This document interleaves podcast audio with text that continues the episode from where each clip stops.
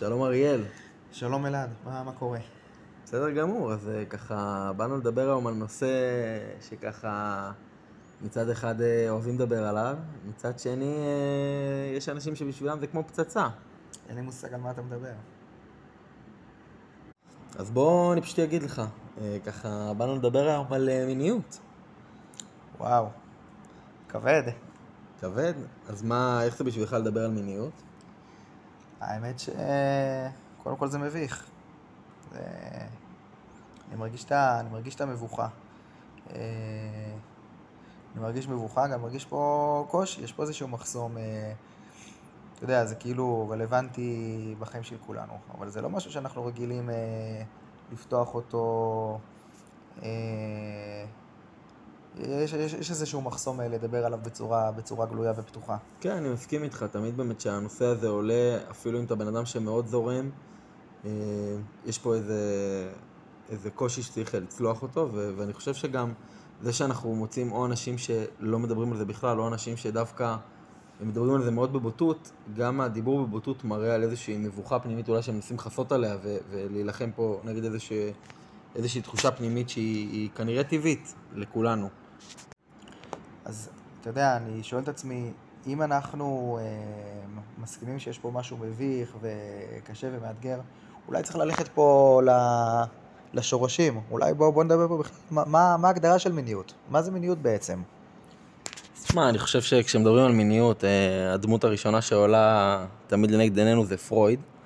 אה, שככה אומנם אה, ככה הרבה לא כל כך אוהבים לשמוע את השם שלו בהקשר הזה ולא אוהבים את הגישה, אבל בכל זאת אני חושב שהוא הביא לנו פה איזשהו כלל מאוד מאוד חשוב ובסיסי. בעצם נגיד במשפט, פרויד אומר ש, שמיניות היא, בוא נאמר בתפיסה שלנו הפשוטה, הרגילה, בדרך כלל מיניות אה, הולכת למקום אה, של אה, משיכה מינית. ופרויד בעצם מדבר על זה שזה הרבה מעבר לדבר הזה.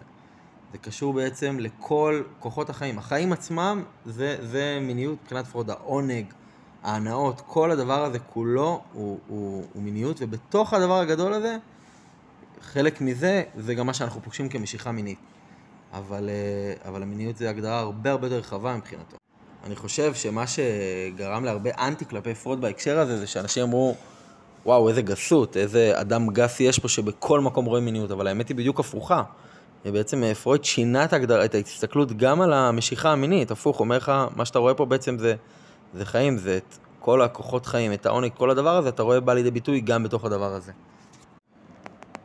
מעניין, זה ממש, אה, אה, ממש מרחיב את המושג. הזכרת גם את ההתנגדות לפרויד, ואני חושב שעוד אה, עוד, בלי קשר, אם אנחנו הולכים עוד יותר אחורה, אנחנו כאנשים, כאנשים מאמינים, יכולים להישען פה גם על חז"ל, וגם על חז"ל, גם לחז"ל היה פה מה להגיד. כולנו מכירים כי יצר לב אדם רע מנעוריו, מרגע שננער מימי אמו. זאת אומרת שהמיניות היא, היא שייכת ורלוונטית עוד הרבה לפני שהילד יודע מה זה משיכה, מה זה מיניות, עוד לפני שהוא יודע לדבר, בעצם המיניות נמצאת בו.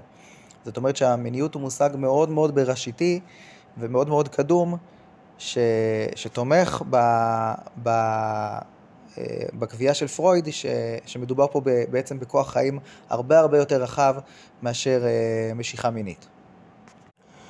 אתה יודע, אני, אני מקשיב למה שאתה אמרת, למה שאני אמרתי, ואני שואל את עצמי, אמ, אז אם ככה, אה, אם המיניות כל כך קדומה ושורשית אצל האדם, אז למה ה big deal הוא קורה רק אה, בגיל 12, 13?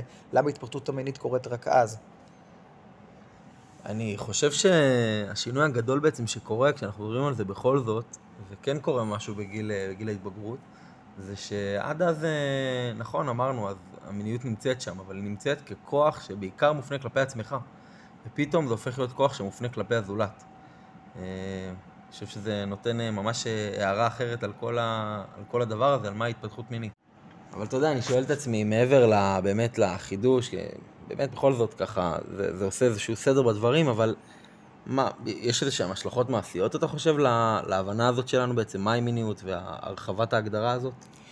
אני חושב שפה ה, ה, ההשלכה היא, היא עונה בדיוק לנקודה שעליה ההגדרה מדברת. כי אם אנחנו מגדירים שמיניות זה כוח החיים, זה הכוח הבסיסי באדם, זה מה שבעצם אה, אה, מאפשר לו לחיות וליצור, אז, אז ממילא חוסר נתינת מקום לתחום המיני, זה לא רק יהיה או הדחקה של המיניות, או מחיקה של המיניות, זה לא רק יצטמצם לתחום המיני, אלא זה יכול להתפשט לעוד תחומים בחיים. כשאדם אה, בעצם אה, אה, כולא את עצמו, מונע את עצמו, אה, עוצר את עצמו מלעסוק במשהו שכל כך, כל כך בסיסי אצלו, אז אה, זה יכול להתרחב לעוד תחומים נוספים של עשייה, של יצירה, של אה, כל, כל, כל דבר יוצר בחיים שלו עלול להיפגע מזה.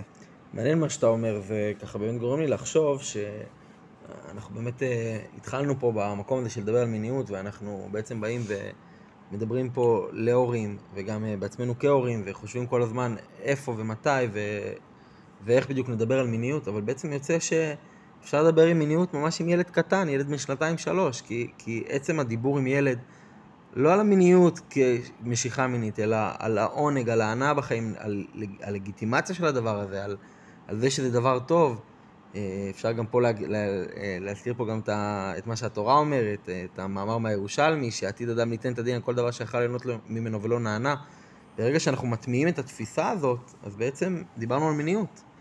ואז גם יהיה קל הרבה יותר בהמשך גם לבוא ולדבר על הדבר הזה. זה יהיה חלק מהתהליך הגדול הזה. אז מה אתה אומר, אריאל? אתה ככה מרגיש אחרי השיחה הקצרה שלנו, ככה קצת פחות מבוכה עכשיו שתבוא לדבר על מיניות. האמת, אלעד, שלא. אני מרגיש עדיין אה, מובך. אבל אה, יחד עם המבוכה אני גם מבין שזה משהו ש, שחייבים לדבר עליו, שזה משהו ש, שנכון לדבר עליו, שנכון לחנך, לחנך אליו בצורה נכונה, ועם כל המבוכה אה, צריך פשוט לקפוץ למים. תודה, אריאל. תודה לך, אלעד.